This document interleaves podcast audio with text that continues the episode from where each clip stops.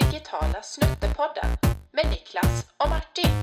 Presenteras av Bombay Works. I took the initiative in creating the internet. You've got mail.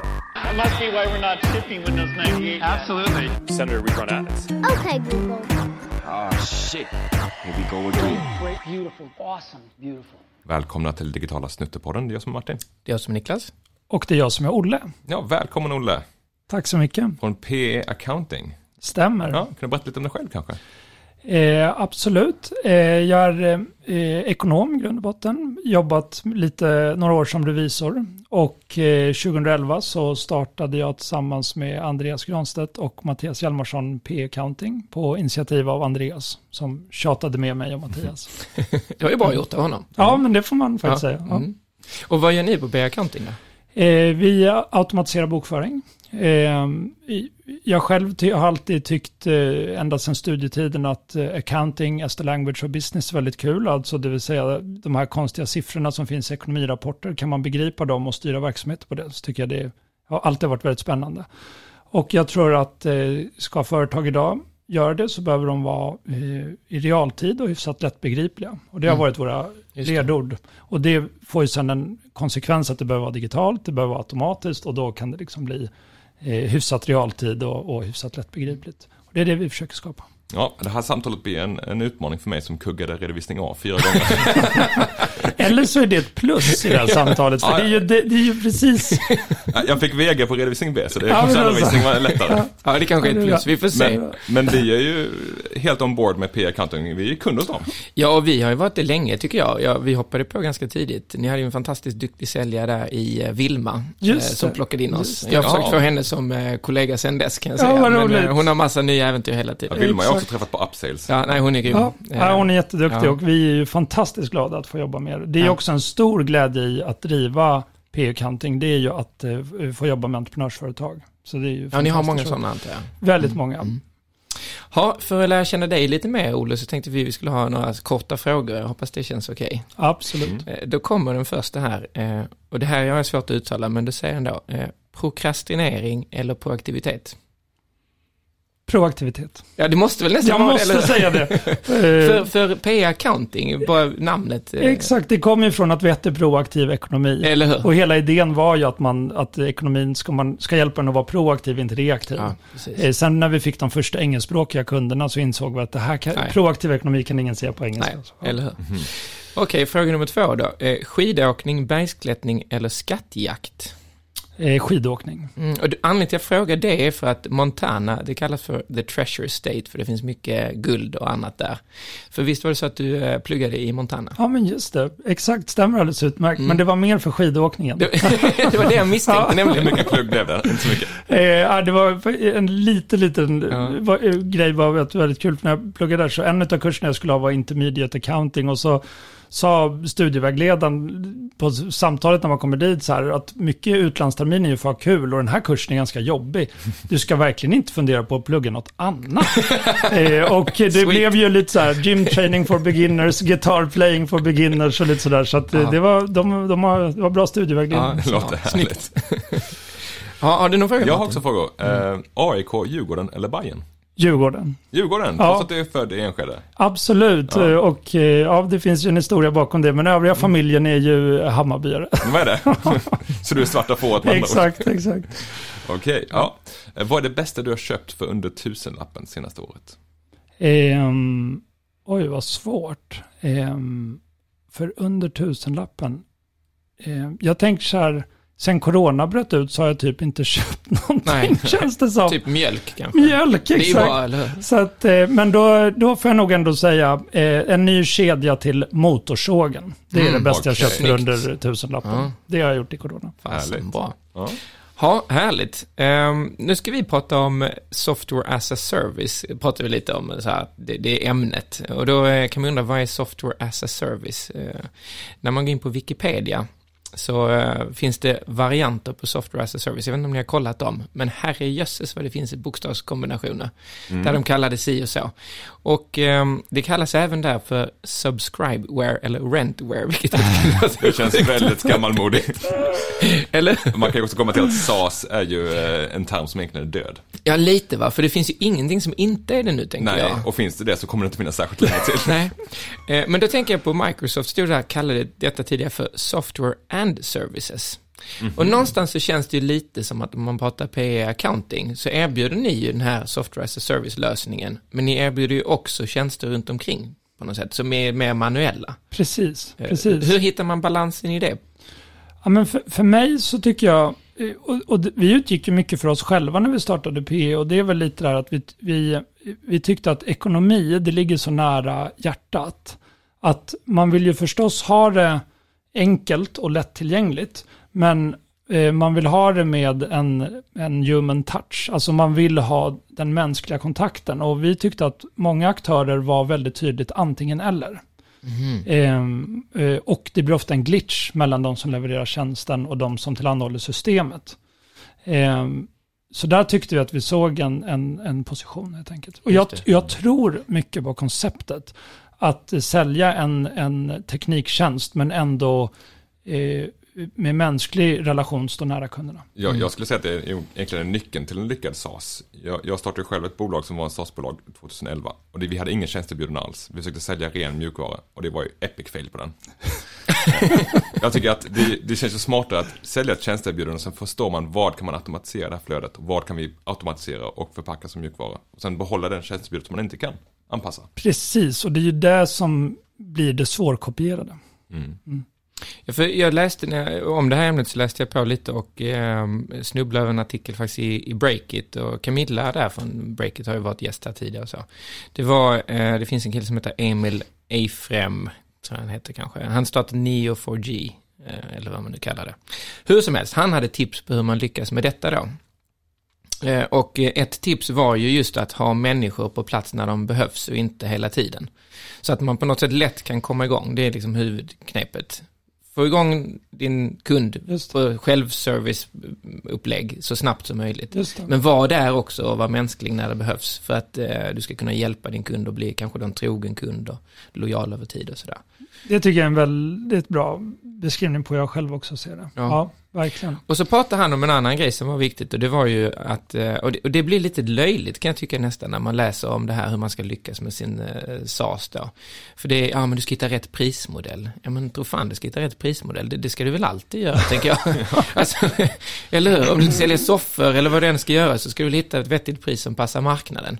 Men är det kanske knepigare när det är en SAS eller? Jag skulle tro att just det här handlar om att man oftast ger bort en nivå av SAS gratis för att ha det som marknadsföringsmotor för att locka in folk. Ja, jag Och sen, ja, sen är det svårt att skala upp det till, till en betalande kund kanske. Och precis, jag tänker att det finns fler varianter i alla Mm. fall när det sas. Eh, Sen tycker jag det är roligt att det känns lite som att de som säljer soffor mer och mer kopierar modell, äh, den, den vedertagna modellen för SAS-världen, nämligen att man ska prenumerera på en soffa istället för att köpa den. Ja, det, det är ju Volvo Cars ett tydligt exempel Ja. med deras M-tjänst ju. Otroligt intressant. Och hur de, nu ska vi inte fastna, men hur de köpte Upplands Motor.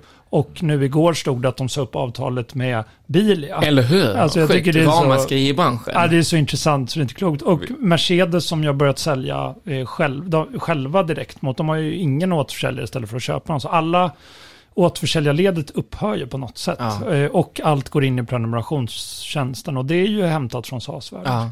Ja. Ägandet är ute. Och Mercedes tog ju också bort alla former av rabatter. Nu kan man inte pruta på en bil längre. Utan Nej, det priset som exakt. står på Mercedes Ja. är det du ska betala. Ja, men Exakt. vilket är väldigt skönt, tycker Ja, jag, jag tycker som det jätteskönt, konsument. ja. Alltså, jag vill inte hålla på och pruta. Och det betyder att om jag inte vill pruta så känner jag mig alltid lurad om alla andra springer runt och prutar ju. Mm. Exakt. Det blir liksom ingen rättvisa Nej. i det då. Och bankvärlden är väl också på väg dit med sina räntor. Med att man har öppet. Där vill jag dock i och för sig gärna pruta. Ja, men jag tror inte du kommer kunna göra det i framtiden. det nej, kommer vara en nej fast så kan det ränta, vara. liksom. Ja. Ja, räntor är ju det optimala exemplet på något som är lätt att jämföra Ja. egentligen. Ja. Ja. Nej men precis, men allting går med att man inte ska äga, känns det som. Eh, Verkligen. Och, och, och det är väl, varför är det så då egentligen? Vad är det som driver Jag, jag det tänker mest? lite att på något sätt om man tittar på SAS-världen Frankrike så började väl allt med att man inte ska behöva installera ett program på Ja. datorn för då blir man knuten till datorn. Och sen tänker jag att och det blir precis sam, principen blir den samma, det vill säga man, man, man vill inte vara knuten till det fysiska föremålet egentligen. Om jag, precis. Om jag ska vara lite anti här nu skulle jag Mm. säga att eh, i mjukvarubranschen så är det logiskt så att man vill betala för det man konsumerar. Du vill Mm. inte betala en, en upfront perpetual license för stor mjukvara, sen så kanske du använder två pers sitter och använder det Nej, för det kanske är svårt att veta också hur mycket 10. du använder det. Mm. Däremot när man tar över det här till andra delar av ägande så det finns också en, ett element av att de som säljer den här produkten kan tjäna mer pengar på att hyra Ja. ut den istället för att sälja den en gång. Ja. Så det är inte bara till gagn för konsumenten. Nej, det finns en bättre Hyr du ut en affärsmodell soffa ja. så tjänar du mer pengar på den och så kan du återsälja soffan en gång till. Och, och tittar man i SAS-världen så tycker jag det man eh, det som ofta lyfts är ju då efterfrågan på trappor. För många, till exempel när man ska köpa ett HR-system, för att inte jämföra med min egen bransch, eh, så, så tycker man att eh, är man tio anställda så var det ju jättebilligt. Det kostar 100 kronor per anställd i månad och så ett program var jättedyrt. Men när man är 100 anställda, då, då blev det plötsligt väldigt dyrt istället. Så, så jag tror att där, där finns det fortfarande, där kan det ibland bli lite för tydligt att man kanske skapat erbjudandet, inte från ett konsumentperspektiv, utan från, precis som du är inne på. Ja. Mm. Just det. Och då blir, men då, då måste man ju hitta eh, varianter och trappor på prismodellen då. Ja. Är, är det det som kanske gör att det blir knepigt? Att just det här med att hitta rätt pris är en valid poäng. Och kanske lite viktigare när du ska sälja faktiskt eh, gamla produkter. Att, att det är ett knepigare pussel att lägga. Absolut, Ja, jag tänker det. Ja, det finns jag brukar ibland prata om att det finns lifestyle SaaS och enterprise SaaS. Om man ska prata om software as a service. Lifestyle SaaS är den här drömmen om att skapa en, en, ett självspelande piano. Man kan bygga en liten bit mjukvara där kunderna kan signa upp sig själva, betala, onboarda sig själva, använda tjänsten och offboarda sig när de inte vill ha den längre. Själv ligger man på stranden och dricker pina colada så tycker allting är toppen. Och man kanske byggt det här själv eller med någon utvecklare i Bulgarien någonstans. Ja, jag har haft den här drömmen själv. den är inte sann. Men dricker du Pina Colada? Dricker inte du mer um, Negroni? Jo, jag tänkte bara Tänkte den lät inte äkta eller? Men, var inte helt äkta. Men så funkar det inte riktigt. Och speciellt inte inom bokföring. Eh, Jag var själv inne och hjälpte Doer i uppstartsfasen, mm. som Nomi. Eh, Det är en annan bokföringsstartup här i Stockholm. Just det. Eh, Och om man ska dra en analogi med sport så ser jag bokföring som en, en bedömningssport. Det är ju mer eh, konståkning än det är fotboll. I fotboll så är det antingen mål eller inte. I konståkning så är det domare som håller upp en, femma och en sjua. Men sen kommer huvuddomaren in, det vill säga Skatteverket och säger nej, nej, nej, ni är diskade. Det det är en väldigt bra jämförelse. Ja. Och i en sån värld där det inte är svart eller vitt, inte binärt, så är det svårt att bygga kod. Det är svårt att bygga mjukvara för någonting som ska bedömas. Ja. Det, är, det är en gråzon, hela bokföringsvärlden. Och det är en jätteutmaning och spännande att ta tagit i an den. Hur tänker ni i det här? Alltså, vad kan man automatisera och när tar det stopp? Du var inne på den här mänskliga faktorn innan. Precis. Det kommer, det, kommer det någonsin gå att automatisera helt? Ja, men så här är min, min take på det. Det ena det är att eh, vår, vår bransch är ju väldigt intressant för jag tycker det finns ett antal spelare som tyck, förenklat det för mycket och hamnat snett. Och det finns andra som tycker att det är rocket science och det är det absolut inte heller. Och lite den här kombinationen då människa-system. Men det jag tror det är att det, red, det är liksom redovisnings... ehm, det, det, det, vår, det lagstiftaren erbjuder vår bransch är väldigt många eh, varianter och det finns väldigt många kantfall. Eh, och jag tror ju väldigt mycket på att vill vi skapa automatiska system så behöver vi eh, lagar och regler med väldigt mycket mindre valbarhet. Och det är väl lite generellt när man väljer en, en alltså lite SAS är ju one size fits all Mm. någonstans. Man, man tycker alltid att vissa saker är knöliga men det vinner alltid liksom ofta på enkelheten. Eh, och lite så tror jag man behöver se det också, att man behöver kraftigt förenkla redovisningsreglerna och skattereglerna. Och det kommer drabba vissa negativt eh, och andra positivt. Men då kommer vi kunna öka automatiseringsgraden. Och jag tycker att det problemet är väsentligt mycket större inom lön, där vi har 615 kollektivavtal som alla fritt får beräkna, mm. eh, berätta om hur vi ska beräkna en frånvarodag.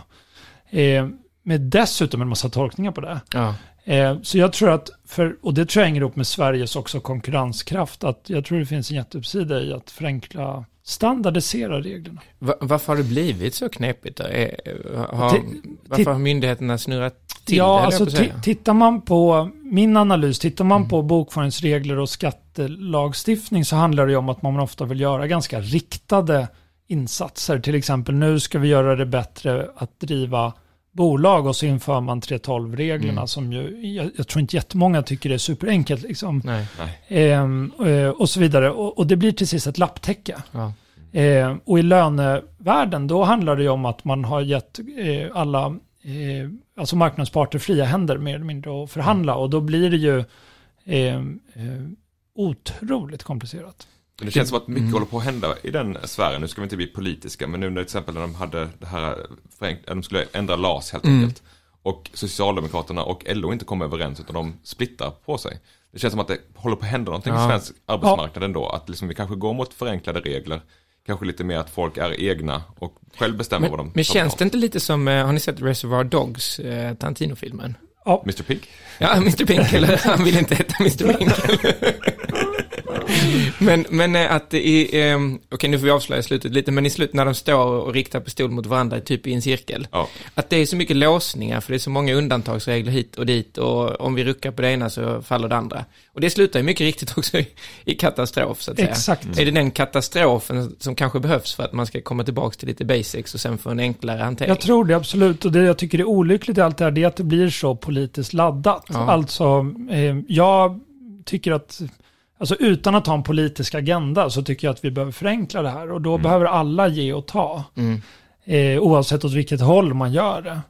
Eh, men jag tror också att det, det, det, det något behöver hända. Något behöver hända, en shootdown. Ja, exakt, exakt. Är, är det inte det som händer nu med pandemin då? Jo, men Ja, kanske. Det är kanske det som händer med, med Socialdemokraterna och LO. Ja. Ja. Vad vet jag.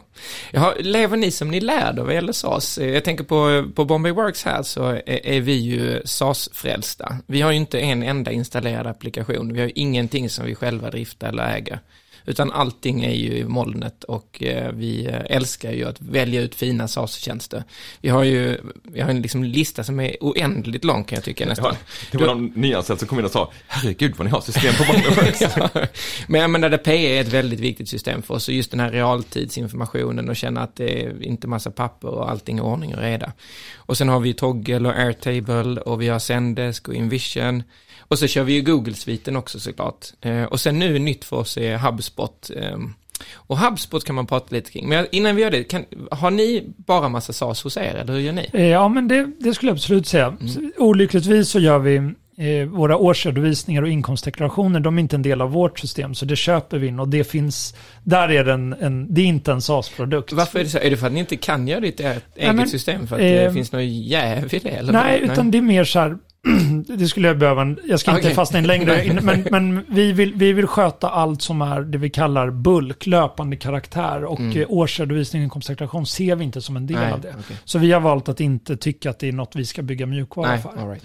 Ehm, utan att fastna i den. Men annars, Men annars annars och på, på, eh, på ert bolag, så när ni ska använda en, eh, något digitalt så är det alltid via SAS då också eller? Ja, det skulle jag absolut säga. Ehm, och sen, så, sen kan jag tycka att eh, vi har behövt snäva åt lite antalet program vi använder, men det är Mm. väl lite kopplat till att vi både nu, ja men vi har ju, vi har ju FI-tillstånd nu och vi gör sån här IT-revision varje år och GDPR och alltihopa, så det har liksom, och vi har blivit så pass stora att det blir Ja. allt det här, eh, man behöver ju liksom ja, inventera alla system och så vidare, så där har liksom blivit så stort jobb, så vi har liksom behövt ändå så här, okej nu är det de här vi har och ska vi lägga till något får vi nog ta bort något. Eh, men all, allt är ju SAS-lösningar.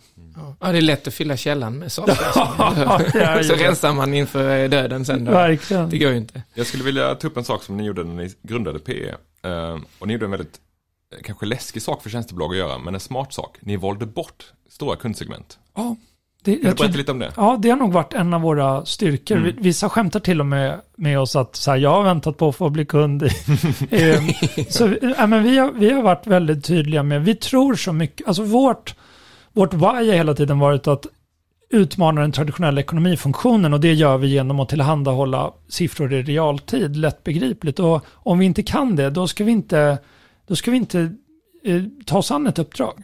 Eh, och, och det har liksom varit en ledstjärna innan vi ens hade in, innan vi liksom knappt kunde betala löner till oss själva.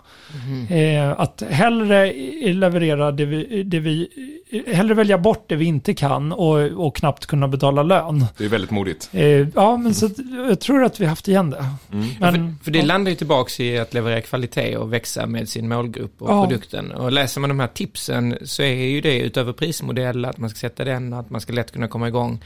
Så är det ju eh, just då också att eh, du ska växa i en lagom och långsam takt. För att det kan vara kostsamt att växa väldigt aggressivt och du har svårt att hitta rätt också.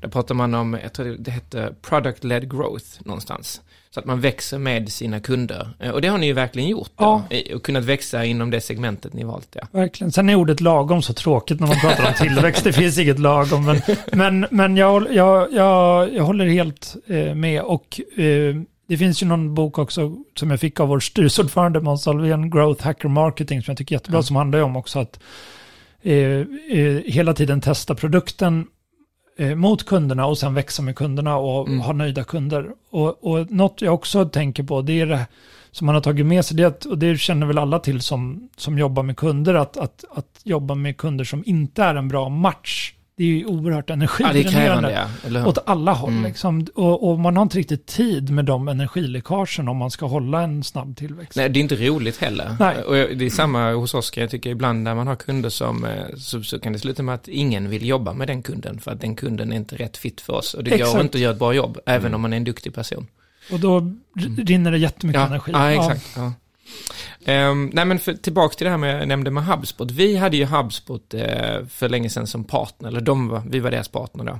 Och de hade ju ett, ett upplägg och de har inte satt den här prismodellen eh, riktigt. Då var man tvungen, eh, om man skulle använda HubSpot, att eh, betala 100 000 i en uppstartslicenskostnad och sen skulle man gå en utbildning och så skulle man si och så.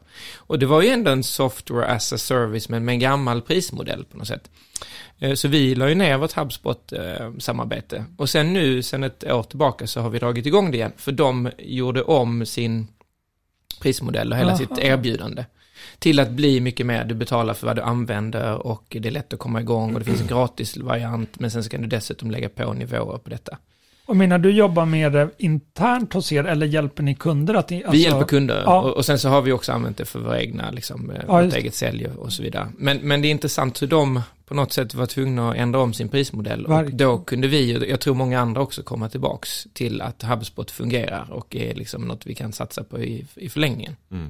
För vill man läsa mer om just Software as a Service så finns det ett bolag som eh, heter OpenView Partners, jag vet inte om det är ett bolag men en sajt. De har gjort en 2020 Expansion SaaS Benchmark Study. Och den nämner en massa olika saker, bland annat hur man ska ta pris och så vidare. Eh, Man kan gräva ner sig i den, jag har inte orkat läsa allt det för det är hur mycket som helst. Ehm, Men de nämner också just HubSpot som ett exempel på hur man har hittat rätt med prismodellen och det då plötsligt blir mer skalbart. Ja, intressant.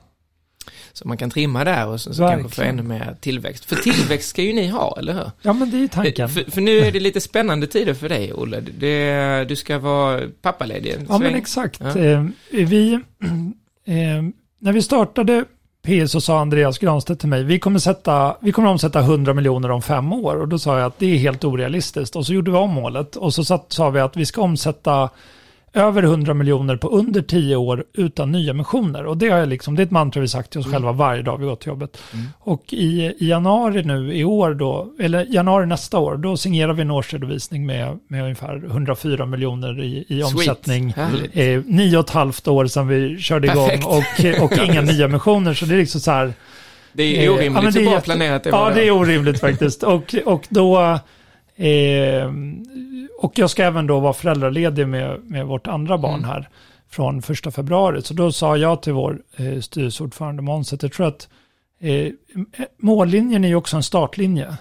Eh, och jag, Mm. jag, tror, jag ser mig själv på mållinjen här, men jag vet inte om jag ser mig själv på startlinjen. Ehm, för nu är det ju, mål, nästa mål blir ju en miljard nu på tio år. Ja, precis. Det är ju ett Ehm, aggressivt mål. Exakt, Där. så att... Eh, så då har det varit jätteroligt. Så vi hade en, en rekryteringsprocess av en extern Mm. vd Mm. eh, som började nu första november, så går vi parallellt i tre månader. Mm. Eh, och sen vänta sju månader föräldraledighet Ja. för undertecknad. Så. Det det här är en miljardmålet. Är, är det satt av dig eller Andreas? Eh, nej, men det är nog tillsammans. Tillsammans, det, det okej. har varit så naturligt. Jag vet inte ens, det bara var där. Alltså om det är 0 till 100 på 10 så är det klart att det är 100 till 1000 på Okej, 10. ja, alltså det var ingen som behövde fundera över Ja. det. Klassiska bokföringskillar. Ja, du har ju själv, allt ska kunna kalkyleras. Och du säger att du ska vara i en affärsnära roll med P-accounting i framtiden. Lurar det någon ny startup runt hörnet eller någonting annat? Mm, Någon bok kanske? ja, exakt. Nej, men eh, faktum är faktiskt att nu har jag jag är väldigt, eh, jag är väldigt fokuserad liksom tror jag i, i min roll och har varit så och, eh, eh, och även nu. Och då Mm. har jag liksom bara sagt till mig själv och omvärlden att under föräldraledigheten, då Mm. får vi fundera på vad jag ska göra. För jag har inte energi och Nej. tid att tänka på det Nej. eh, nu, är faktiskt det ärliga svaret. Sen hoppas jag att jag kan ha en ganska fri roll där jag, eh, det, jag menar vi kommer behöva ta ganska många nya initiativ Mm. för att klara den här tillväxten. Och det kan nog innebära massa spännande saker. Men Ja. det, det i ärlighetens namn är helt odefinierat än så länge. Det är, det är många som har fått briljanta idéer på gården på öppna förskolan. Ja, men exakt, exakt. Men det, där känns, det det känns ju lovande också med ett SEB-samarbete. De är ägare också, eller hur? Ja, att det finns en skalbarhet med dem. På något sätt. Verkligen, vi hoppas det.